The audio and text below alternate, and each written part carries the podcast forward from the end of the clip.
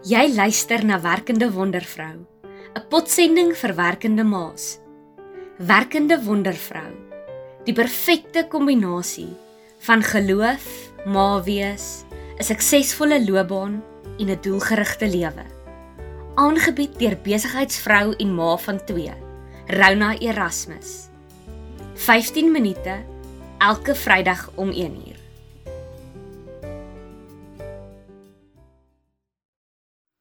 Hallo. Ek is Rona Erasmus, 'n werkende ma net soos jy. Ek glo dat ons as vrouens geskaap is om 'n lewe in oorvloed te leef. Jou drome is belangrik. En dit wat jy doen, alles behalwe irrelevant. Welkom by my potsending. Die werkende wondervrou. So ons is hierdie jaar eers weer vir die eerste keer toegelaat om op die atletiek en die sportvelde van die skool te kom. Inteendeel, ons is vir die eerste keer toegelaat om enigstens naby ons kinders se klasse te kom. My oudste seentjie is nou graad 2 en ons het dus min of meer sy hele graad 1 jaar gemis. Ek mag nie saam met hom ingestap het nie. Ek mag nie die eerste dag sy handjie vasgehou het nie en ek het letterlik my kind se klas vir die eerste keer aan die einde van verlede jaar gesien. So jy sal verstaan hoekom ek so opgewonde was vir sy eerste atletiekbyeenkoms as 'n graad 2 mannetjie. Nou ek het nog nooit gedink dat my kind besonder vinnig is nie. Maar dit het ook nie vir my saak gemaak nie. Want daai dag was daar net 'n ongelooflike atmosfeer. Ouers wat mekaar se kinders ondersteun. Daai vibe wat jy net voel op so 'n dag. En ons as opnuut opgewonde en dankbaar vir daardie soos dit. So het my seentjie gehardloop en sy absolute beste gegee. Kyk, hy het beslis gehardloop so vinnig soos wat sy beentjies hom kon hou. Hy het so by die einde ernstig begin spoed vang.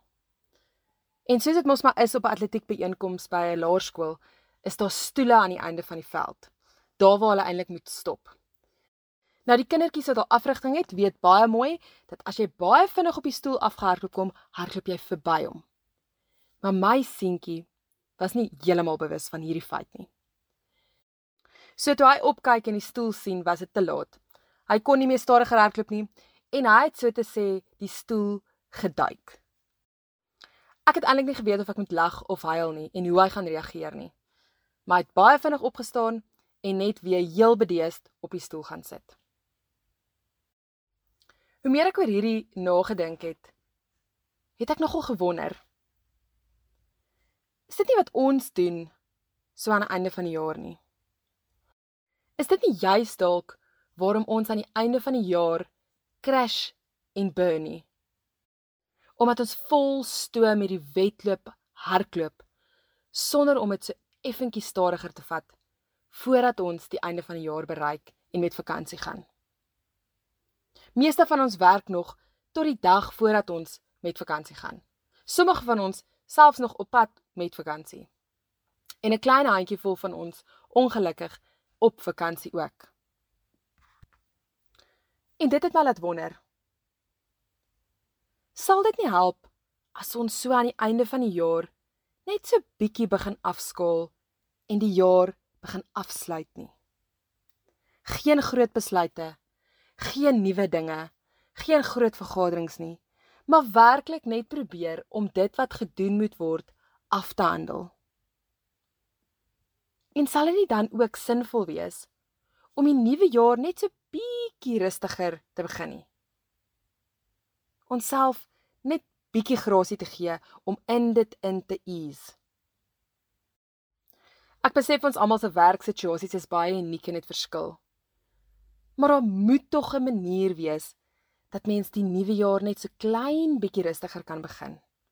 En nie alweer vol stoom die eerste maand van die jaar aanpak nie. Is daar nie juis genoeg nuwigheid wat die kinders op skool het? Al die dinge wat ons as mammas moet onthou, al die nuwe rotines en al die nuwe ritmes waarmee ons gemaklik moet raak die jaar nie. En as dit waar is van dat dit meer sinvol sal wees om 'n jaar so af te sluit en ons self in 'n nuwe jaar in te ease. Is dit nie dan ook waar van 'n kwartaal, 'n maand, 'n week en selfs 'n dag nie? Nou net hier wil ek jou bietjie vertel van die Rona ritme. Nee, dis nie een of ander danspassie wat ek uitvoer nie.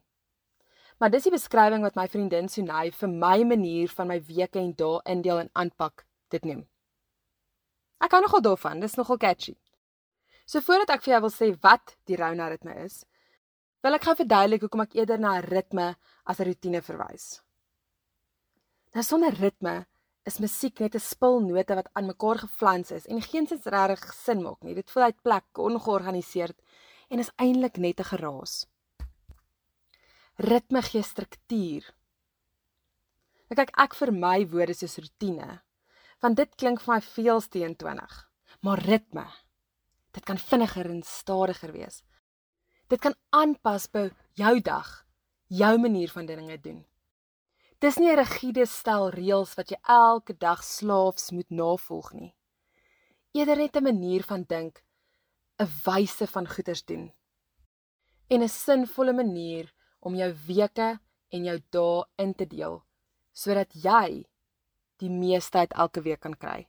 Maar meer belangrik nog, sodat jy genoeg selfsorg so tussenin kan toepas. Nou dis belangrik dat jy moet weet dat jou omstandighede, werksopset, gesinsdinamiek, persoonlikheid of jy 'n oggend of aandmens is, ekstrovert, introvert ensovoorts baie bepalend sal wees van hoe jou ritme gaan lyk. Ons ritmes gaan beslis nie dieselfde lyk nie. Maar ek wil vir jou 'n voorbeeld gee van hoe my ritme lyk. Nou ek het 'n weeklikse ritme. Op 'n maandag ease ek myself in 'n mate in die week in. Op maandag is dit ek, my active wear en my rekenaar. Dis my admin dag. Dis die dag waar ek navorsing doen, e-posse antwoord, potsendings skryf en sommer net myself op 'n kreatiewe manier uitleef terwyl my boude op my stoel sit. Dinsdae, Woensdae en Donderdae spandeer ek elk op 'n spesifieke besigheid. En Vrydag. Vrydag is my dag. Nou, natuurlik bring elke dag sy eie uitdagings en is daar ook nuwe admin, ander goed wat gebeur.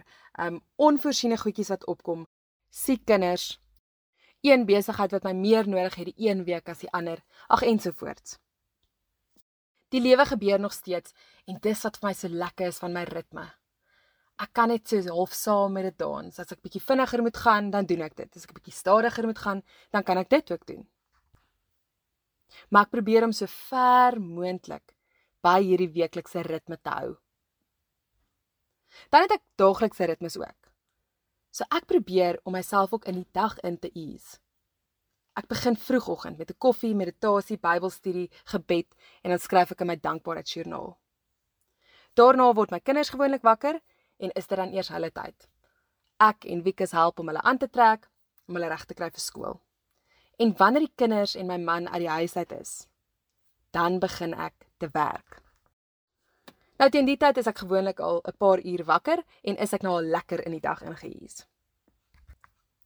Ek probeer dan my meeste werk wat ek vir 'n rekenaar moet doen, sinvol moet dink, uh, besluite moet neem voor 2:00 in die middag te doen.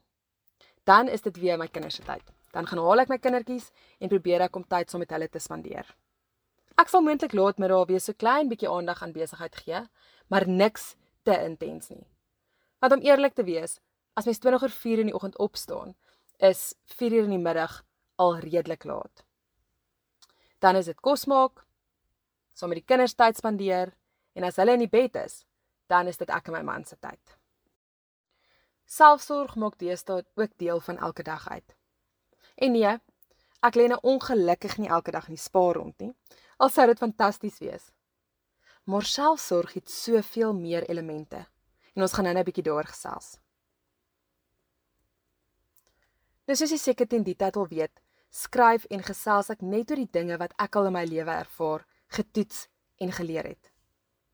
En so moes ek ook na ek moeg en uitgebrand was op 'n harde manier leer dat selfsorg nie net 'n once-off elke nou en dan is nie, maar iets wat ek deel van my alledaagse lewe moet maak. Ek moet sekere gewoontes en nuwe ritmes in my lewe inbou om te verseker dat ek nie vinnig weer op moedverloorse vlakte sal beland nie. Nou ek is 'n baie praktiese mens en boonop 'n mamma van jong kinders. So wanneer ek sekere dinge deel wil maak van my en my gesin se doen en late, probeer ek altyd om dit te vereenvoudig en makliker maniere te vind om dieselfde uitkomste te bereik. Nes ons verlede week oor gesels het. Ek glo in elk geval al lankal dat ons geneig is om dinge heeltemal te veel te kompliseer. En ek leer daagliks ongelooflik baie deur my kinders dop te hou. Hulle is meesters in die kuns van eenvoud. Eenvoudige, ongekompliseerde dinge maak hulle nie net gelukkig nie, maar stel hulle ook in staat om die lewe ten volle te kan geniet en waardeer. En wanneer ek dit by hulle sien, herinner dit my om die lewe en al sy dinge bietjie minder ernstig op te neem en dinge so ongekompliseerd as moontlik te maak en om in die oomblik te wees. So ek vra nou sommer byvoorbeeld om verskoning vir die baie eenvoudige manier om my verstaan van selfsorg en om volgens my eie ritme te dans met jou te deel. Maar ek glo werklik dat wanneer ek en jy hierdie dinge deel sal maak van elke dag, week, maand en jaar, ons kort voorlank minder gespanne, meer gefokus en meer produktief sal kan wees. Ons verstaan van selfsorg het soms baie platonies geraak. Wanneer ek die woord gehoor het, het dit my altyd laat dink aan 'n massering in 'n spa, 'n warm bad en 'n lekker oefensessie. En alhoewel al hierdie dinge wel deel uitmaak van selfsorg, is selfsorg nie so eendimensioneel nie. Ons wil kwaliek hierdie jaar ons koppies kan volmaak en volhou as ons nie selfsorg deel van elke dag maak nie. Ons is immers multidimensionele mense met 'n gees, siel en 'n liggaam. Elkeen op sy eie, maar tog ook 'n eenheid. So ek wil net so vinnig saam met jou individueel na elkeen gaan kyk. Nou hier is 'n paar maniere wat jy liggaam, siel en gees kan ontspan en kan herlaai. Ek weet nou nie van jou nie, maar ek vind dit uiters moeilik om my brein stil te kry. Tog is dit so belangrik om in 'n tyd waar ons gebombardeer word met soveel inligting en soveel opinies, ons breine letterlik vir 'n oomblik te kan afskakel om as ware te kan herstel en te kan reboot. Meditasie is 'n baie goeie manier om hierdie te kan doen. Yoga is 'n ander een. Dit werk baie goed vir my. Ek mediteer elke dag as deel van my oggendroetine vir 'n paar minute. daarmee saam is daar hordes asemhalingstegnieke wat wonderlik is om toe te pas en wat jou baie rustig maak en wat jou werklik net kan fokus op dit waarmee jy op daardie oomblik besig is. 'n Ander manier is om 'n lekker storieboek te lees. Nie 'n selfhelpboek of 'n podcast te luister nie. Dit skakel beslis nie jou brein af nie. Ek wonder soms of ons nie so baie van romantic comedies hou nie, juis omdat mense nie regtig hoef te dink terwyl jy dit kyk nie. Dan die volgende een is ons emosies. Al die verwagtinge en vrese wat ek self het. Ek en jy is emosionele wesens. Maar dit kan ons ook so dreineer as ons dit nie mooi bestuur nie. So op 'n praktiese manier vat ek elke dag 'n paar minute voor ek gaan slaap om 'n tipe van 'n recap van my dag te doen. amper soos 'n fliek wat in fast forward speel. Ek vind dan interessant genoeg dat ek soms so besig is hierdie dag dat ek nie eens besef het daar emosies is wat agterweë gebly het en wat eintlik onopgelos is nie. Dan maak ek daarmee klaar en dan kan ek rustig slaap. Ek glo dat die heel belangrikste manier van selfsorg vir my en jou is om in ons geestelike lewe en ons verhouding met Jesus te werk en daaraan te bou elke liewe dag. Dis die fondasie, die katalisator en die motivering van wie ons in ons wese geskape is om te wees. In die tuimeldroër van die lewe is dit soms so maklik om te vergeet om in ons gees te investeer om tyd in die woord en saam met Jesus te spandeer. En dit is die primêre manier hoe ek en jy ons gees kan sterk hou en ons geestelike koppies kan volhou. Die ripple effek van 'n sterk gees is dat ons siel gesonder raak en dat alles wat ons liggame doen, God verheerlik in alle areas van ons lewens. Dit is juis hier waar die ware oorsprong van selfsorg werklik lê. En dan die liggaamlike dimensie. Nou ek is vas oortuig dat hierdie deel die meeste aandag en voordeel geniet wanneer ons selfsorg toepas. Nou vir my persoonlik beteken dit om elke dag aktief te wees, al is dit net vir 'n paar minute. Om om te sien na en trots te wees op my voorkoms. Of dit nou volgens my eie standaarde perfek is of nie. Om mooi aan te trek en lekker te ruik. En om 'n gesonde en gebalanseerde dieet te volg. Ek en jy is komplekse wesens, maar tog ook simplisties. Multidimensioneel, maar ook 'n een eenheid. Ons is fyn aan mekaar gewewe met 'n roeping groter as wat ons ooit kan dink. So gun jouself vandag en elke dag 'n paar minute om selfsorg toe te pas. Laat die ritmes in jou lewe vir jou werk. Want selfsorg is alles behalwe selfsugtig. Mag jy hierdie week mooi werk met jouself en mag jy besef hoe spesiaal jy is.